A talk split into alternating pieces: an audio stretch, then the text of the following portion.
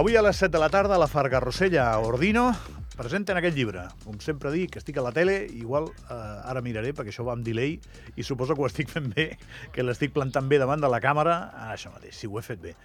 Traces de la Segona Guerra Mundial a Andorra, eh, Claude Benet. Claude Benet, bon dia. Bon dia. El pròleg és de Josep Calvet, això és d'Editorial Anem, i felicitats, perquè vas venir fa dos mesos, una miqueta Oh, més, Sí, alguna cosa així. aproximadament, i, Sí. i em vas explicar que això venia, Sí, sí, i ja ho tenim aquí, sí. sí. i em fa molta il·lusió tenir-te aquí. Aquest llibre, eh, us llegiré el que ens ha enviat l'editorial, que està molt ben explicat. Eh, malgrat que Andorra va ser un país neutral durant la Segona Guerra Mundial, els seus efectes es, va fer sentir, es van fer sentir. El petit estat dels Pirineus, traces de la Segona Guerra Mundial a Andorra, explica com la guerra va afectar Andorra, ja sigui pel pas de refugiats, jueus i combatents que fugien del nazisme o per la presència de forces alemanyes a la frontera del pas de la casa. A través d'històries com la desaparició de Charles Peacock, els heroics esforços de Frank Gluck per creuar la serralada enmig d'una tempesta de neu i les xarxes d'evasió, l'autor Claude Benet ens convida a explorar les complexitats d'aquest moment tan difícil. Bé, no és la teva primera incursió No. en temes com aquest. eh, Mhm. per què aquest llibre, Claude? A veure, quan faig el primer llibre, doncs, i l'acabo, eh, resulta que té més incidència del que em pensava. És a Va dir, tenir èxit? Va tenir èxit, no solament a Andorra, sinó també a fora d'Andorra. No? És un tema que s'havia tractat poc. Andorra sembla ser que a nivell històric en aquest període pràcticament no existia, i doncs vaig obrir una porta. I en aquesta porta s'hi va posar doncs, gent de fora, gent de, de Catalunya, d'Espanya, de França, d'Anglaterra, de Polònia, dels Estats Units, i vaig rebre molta informació, em vaig demanar, me'n van demanar, i va haver tota una xarxa que es va, que es va, que es va fent gran, no? A partir d'aquí, doncs, clar, doncs tinc més documents i com vaig fent el primer llibre, què em faig d'aquests documents? Doncs eh, els guardo per mi o els comparteixo. La millor manera de compartir-los és de fer un llibre. I així es va sortir el segon llibre. Hi ha una cosa que m'apassiona de tu, que tu vaig dir... A més, acabo de recordar una cosa. Et vaig gravar l'entrevista aquell dia que vas venir i encara no havia fet cap programa, jo.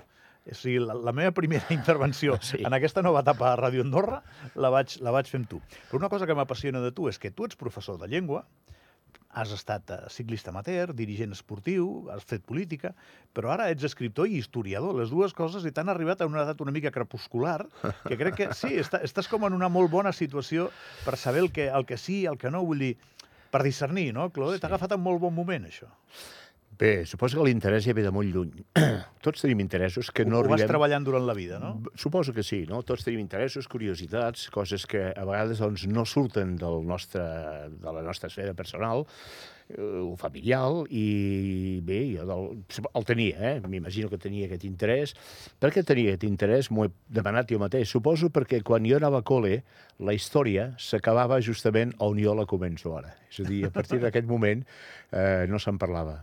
Perquè era- Res? molt poquet. Era, era, era poquet, era molt esquemàtic i era llunyà. És a dir, no es parlava d'aquí, no es parlava de la zona. Ja. És a Stalingrad, el desembarcament, eh, el Pacífic, el que vulguis, no? I bé, doncs, eh, aquí a Andorra ja no, no existia, no? I a la meva vida, quan s'acaba la meva història escolar, per dir de certa manera, doncs eh, hi ha un buit. I aquest buit, doncs, eh, tenia la curiositat de dir bueno, doncs van passar coses, no van passar coses, i vaig començar a estirar fils i... I creus que els nens d'ara els expliquem bé, això, ara, a la, al col·le? Suposo que, a veure, eh, es va obrint aquest interès. Primer perquè el temps ja, ja ha passat més temps i ja no és tan difícil parlar-ne. En aquell moment era tot molt recent. Encara hi havia moltes ferides obertes i era un temps de pobresa, de, de violència, i la gent volia doncs, una cosa nova que s'estava justament produint. Hi havia un, un canvi de societat, no? Aquí a Andorra mateix, no? Sortíem d'un d'un país pobre, rural, uh -huh. eh, amb un país doncs, que tenia unes perspectives, amb turisme que arribava, doncs cada dia era millor, no? Bullici de gent i tot això. Si se'n parla, a veure, a mi em demanen d'anar a fer xerrades a les escoles i vaig amb molt de gust, no? Eh, Mira, últimament he fet quatre a l'escola andorrana, em toca fer-ne una al, al Liceu, que ja n'havia fet, a l'Institut Espanyol també hi he anat, doncs eh, els professors d'història col·laboren bé, no? I potser ells mateixos és un tema que no coneixen prou i doncs tenen l'honestedat de demanar-me d'anar a parlar i, bueno, amb molt de gust ho comparteixo.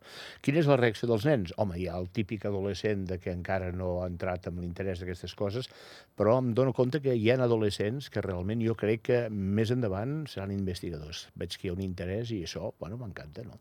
Home, és que aquí hi ha, hi ha un, un canal que uneix tots aquests grans esdeveniments, els uneix eh, de manera inequívoca, eh? el desembarcament de Normandia, Sí. la invasió de Polònia i la Sí. consegüent guerra mundial, Sí, sí. la guerra civil espanyola, si Sí, anem sí, més sí, endarrere, sí, no? sí. I Andorra. Sí. Eh, això passa per aquí, no? I probablement la gent de la teva generació, quan éreu joves, hi havia com la creença que això, bueno, havia estat com una brisa, saps, no? Sí, no I no, no se'n parlava, no? No, no, I, I era mentida. Aquí, clar, que es va viure la guerra. Menys, òbviament, que en molts llocs que la van viure molt intensament i amb moltes víctimes, no? Menys drama hi va haver, però, però n'hi va haver. És a dir, no vam ser beligerants, però vam ser afectats. Jo recordo que en reunions a vegades del proturisme Escaldes, ja fa molts anys, quan jo era jovenet, alguns que venien sempre feien una, una, una referència a la Guerra Civil.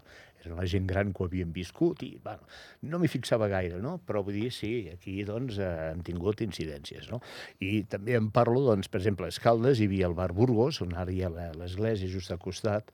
Allà era el bar Burgos, doncs, el bar dels nacionals, no?, que en deien a l'època, del bàndol franquista, i al davant hi havia el casino, que era el bàndol dels republicans. I allà estaven. I allà estaven i no es havien barallat mai. I vam, vam parlar gent gran, no? Diu, no, no, sabíem qui era qui, qui havia fet alguna cosa d'un costat o de l'altre, però Andorra era aquesta neutralitat forçada, també, eh? Més Perquè de- potser si estaven aquí, sabien per què estaven aquí.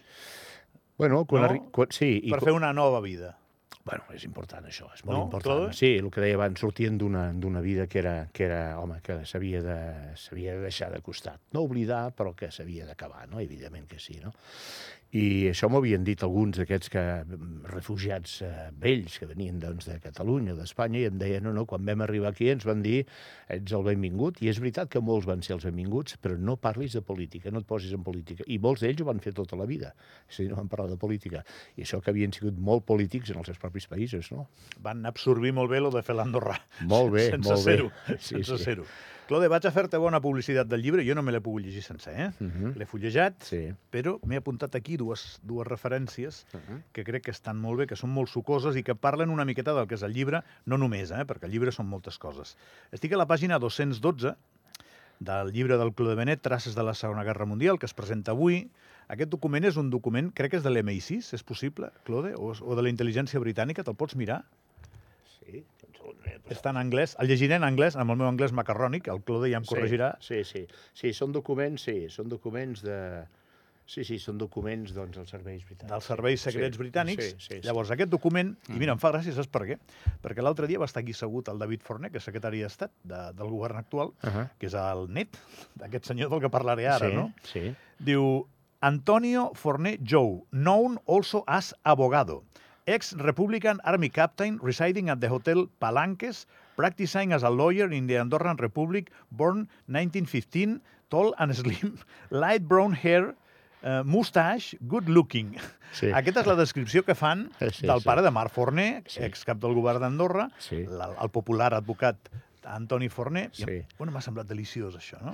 Uh, en aquí parlen d'ell com un dels dinamitzadors, em sembla que ho he de dir d'aquesta Sí, manera, sí. d'una xarxa de passadors, perquè després Sí. en descriuen d'altres de persones. Però m'ha semblat apassionant que diguessin fins i tot si era guapo.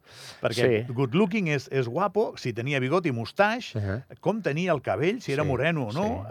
sí, sí, sí, sí.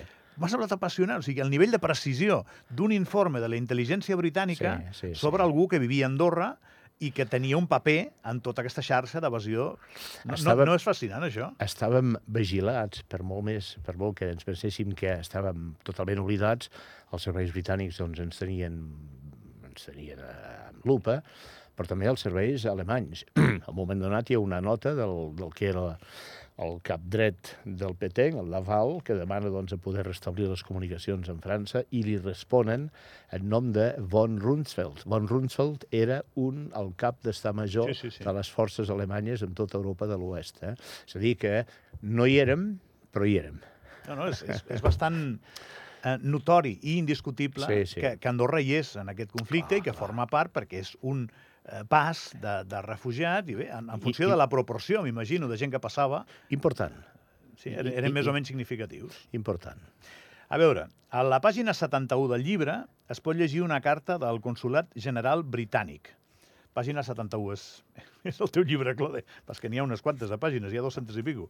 Uh, Consolat General Britànic, Barcelona, 4 d'octubre del 1943. Aquesta està traduïda ja al català. Eh? Uh -huh. Tinc l'honor d'informar-vos de bona font que la nit del 29-30 de setembre, dos o potser tres cotxes motoritzats amb personal de la Gestapo, vestits de civils, van creuar la frontera andorrana i procedir vers el poble de la Massana, d'on van agafar alguns papers de l'hotel Palanques, després d'haver efectuat un registre complet i agafat un individu conegut com a Elias.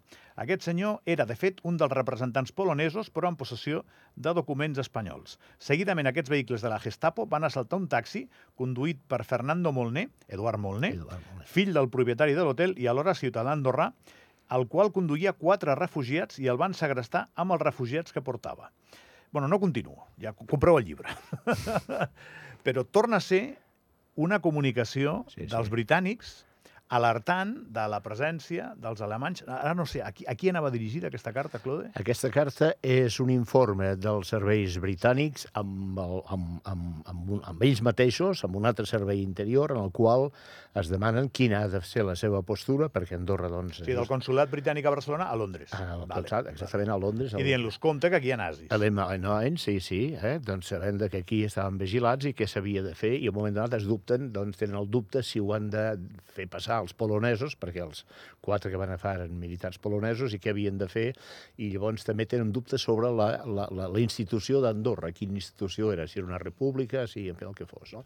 Doncs sí, estaven vigilats pels, per tothom aquí. Aquest no és un llibre morbós, però és un llibre que si uneixes tot el que tu has escrit, sabràs bastant, si ets un coneixedor més o menys de la història d'Andorra dels darrers 60-70 anys, de qui, de qui estàs parlant en relació a la llegenda negra. Aquesta llegenda negra, que no és en proporció la més important, la, la més important és la de col·laboració, però hi ha una llegenda negra de gent que no es va portar bé. Uh -huh. I crec que en aquest llibre hi dones moltes pistes. A veure, el que el problema de la llegenda negra a Andorra és que o no se'n parla i la llegenda en parla i en fa el que vol, Sí. I a part d'això, eh, jo crec que si vols fer una cosa que sigui història, has de parlar una mica de tot. Aquí a Andorra hem tingut doncs, coses totalment blanques, negres, i entremig hi ha tota la gamma de grisos. No? Sí que dono pistes. Llavors no dono noms. Alguns em diran, doncs, home, ho, ho hauries, i a més avui ja m'ho ha dit, hauries hagut de donar els noms. Bé, el dubte l'he tingut, no? Què passa? Que eh, Andorra són molt petits. Això ho fas a Espanya, ho fas a França, doncs pots donar noms i queda diluït. Aquí tothom es coneix i automàticament s'estigmatitza els descendents que no hi tenen absolutament cap culpa, no? Doncs aquest és el motiu pel qual no vaig donar els noms. Però parlar dels fets sí que n'havia de parlar, perquè si no, doncs sembla que siguem uns angelets, només hem passat coses bones i aquí hem sigut com tothom. Ni més bons ni més dolents, hem sigut humans amb totes les qualitats i defectes que hem tingut i que tenim. Pur càlcul de probabilitats, Claude. Sí. No, no podem tenir l'elixir No. de la bonomia a Andorra. Bueno, és un, és un missatge que es, que, que es fa passar de manera una mica així, eh, dient aquests 700 anys de pau. Això es repeteix molt a Andorra, no? A mi em molesta una mica. Si hem tingut 700 anys de pau, que està molt bé, és perquè hem sigut petits i que no hem tingut cap recurs, ni cap matèria podem prima, ni petroli, ni or, ni res, no? Però eh, la gent són, si agafes la proporció del que tenim aquí, mm, barreges, doncs és el que tenim als altres països també. Normal. Hi ha Gent, exactament, sí. Normal, aspirar, Sí, sí, sí. aspirar a un altre escenari seria Totalment. una mica ingenu, no? Sí, sí, sí, sí. Escolta'm, eh, no t'estàs sortint d'un tema que a tu t'amoïna, eh? Et diuen historiador, ja, ja està. Rendeix-te, Claude. Sí. Avui l'Andrés Luengo al Bon Dia Sí, ho he vist ja. posa, posa historiador. T'hauries de rendir i ja està. Bueno, sí, sí, és un petit historiador, sí. Sí, sí.